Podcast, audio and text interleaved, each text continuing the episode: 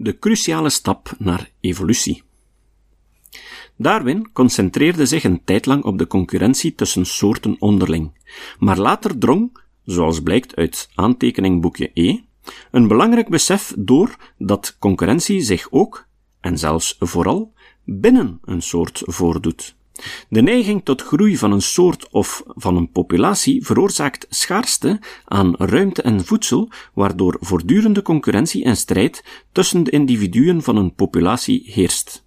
De cruciale stap bestond erin dit inzicht te combineren met wat zijn contacten met dieren en plantentelers hem hadden geleerd. Hij wist dat zij kweekorganismen kiezen op basis van het al dan niet bezitten van bepaalde eigenschappen. Hij besefte ook dat er blijkbaar steeds variatie bestaat tussen gedomesticeerde organismen onderling. Elke generatie opnieuw bekijken kwekers nauwgezet hun dieren. Zij zien de onderlinge, soms heel minieme verschillen en maken hun keuze. Een aantal dieren mag zich voortplanten, alle andere zullen nooit nageslacht verwekken. Hij realiseerde zich dat variatie ook in de natuur optreedt, misschien met kleinere verschillen dan tussen gedomesticeerde organismen onderling, maar er is wel degelijk steeds variatie. Ernst Mayr beschouwt dit als een van zijn belangrijkste inzichten. Hij schrijft de moderne mens is geneigd te vergeten dat in de periode voor Darwin vrijwel iedereen een essentialist was. 1982, pagina 404. Zoals reeds eerder aangestipt, bestaat voor een essentialist de natuur uit essentialia, of types, die een weerspiegeling zijn van platonische, dimensieloze en zich buiten tijd en ruimte bevindende vormen, waarvan niet kan worden afgeweken. Onderlinge gelijkheid tussen organismen van dezelfde soort is de norm, variatie de uitzondering. Darwin keerde die opvatting om. Variatie is de norm, en een groep organismen die sterk op elkaar lijken, noemen we een soort.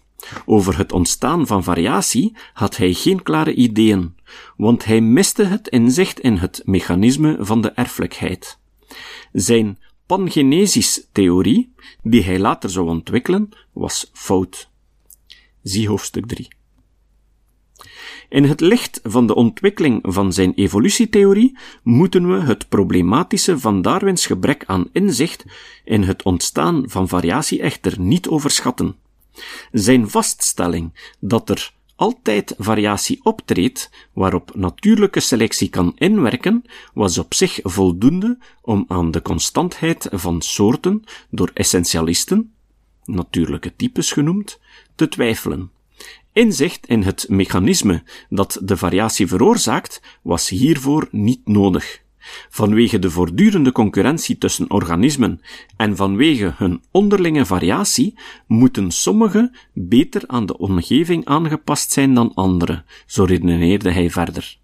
Die organismen zullen het beter doen dan de minder goed aangepasten en zullen bij gevolg meer kans tot reproductie hebben.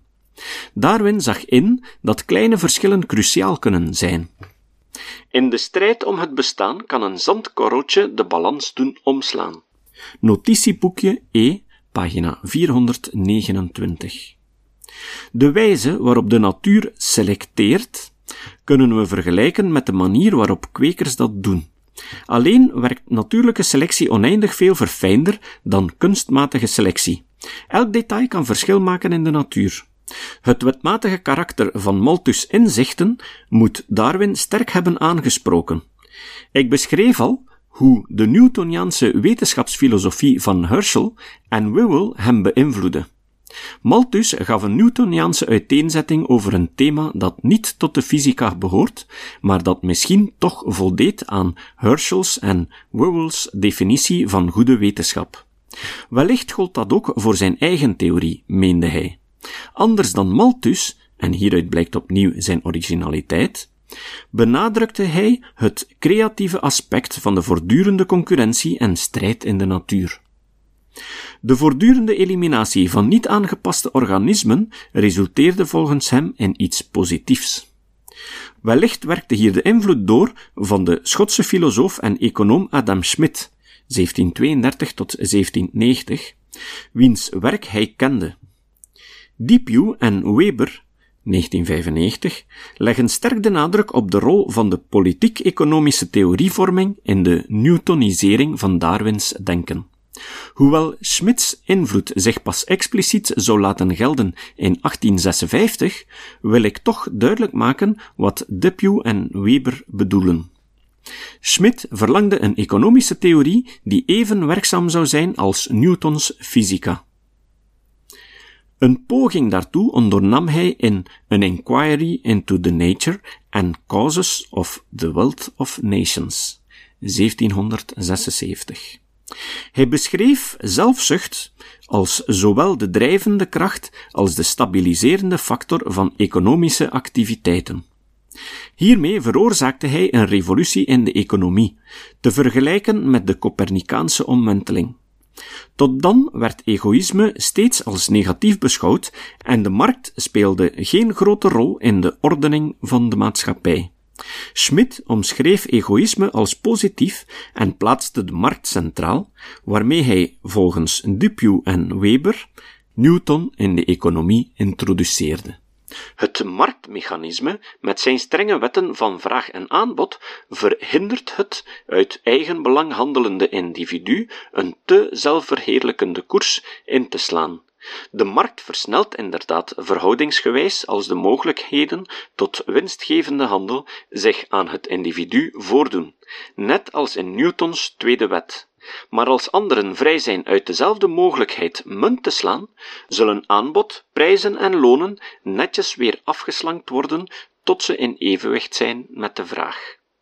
Net zoals stabiele planetenbanen ontstaan door een precair evenwicht tussen inertie en gravitatie, zal ook een vrije markt die producenten en consumenten vrijelijk kunnen betreden en verlaten, stabiele patronen van productie, ruil en consumptie scheppen. Op die manier zal het economische domein gereguleerd worden door wetten analoog aan die van een Newtoniaans systeem. 1995 pagina 116.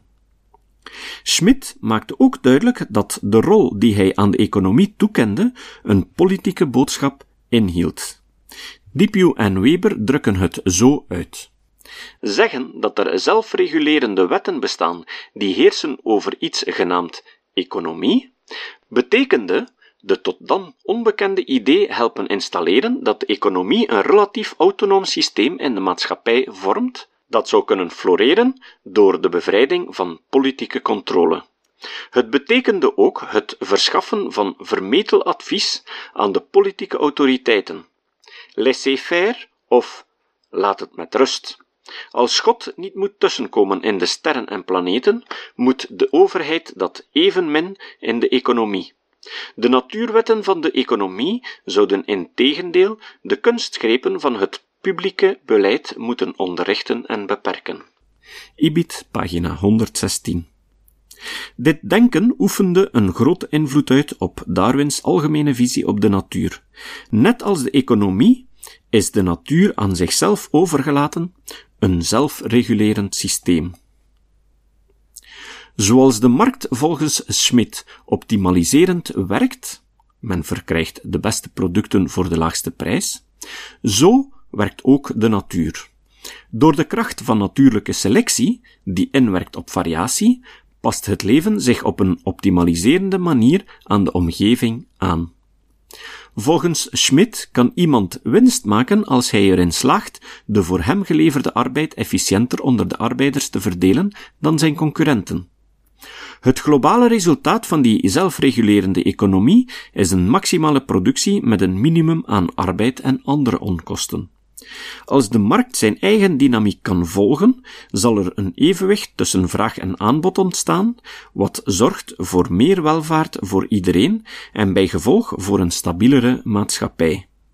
Depew en Weber schrijven hierover Welke grote triomf van de verlichting over het oude conservatisme er zijn dan de ontdekking dat het doel van staatsmanschap niet is schaarste te beheren, maar haar grenzen te doorbreken en de verzekering dat iedereen rijker maken, in plaats van vruchtloos op deugdzaamheid aan te dringen, de beste manier is om republikeinse en zelfs democratische regeringen eindelijk hun plekje in de zon te gunnen. Ibid, pagina's 119-120.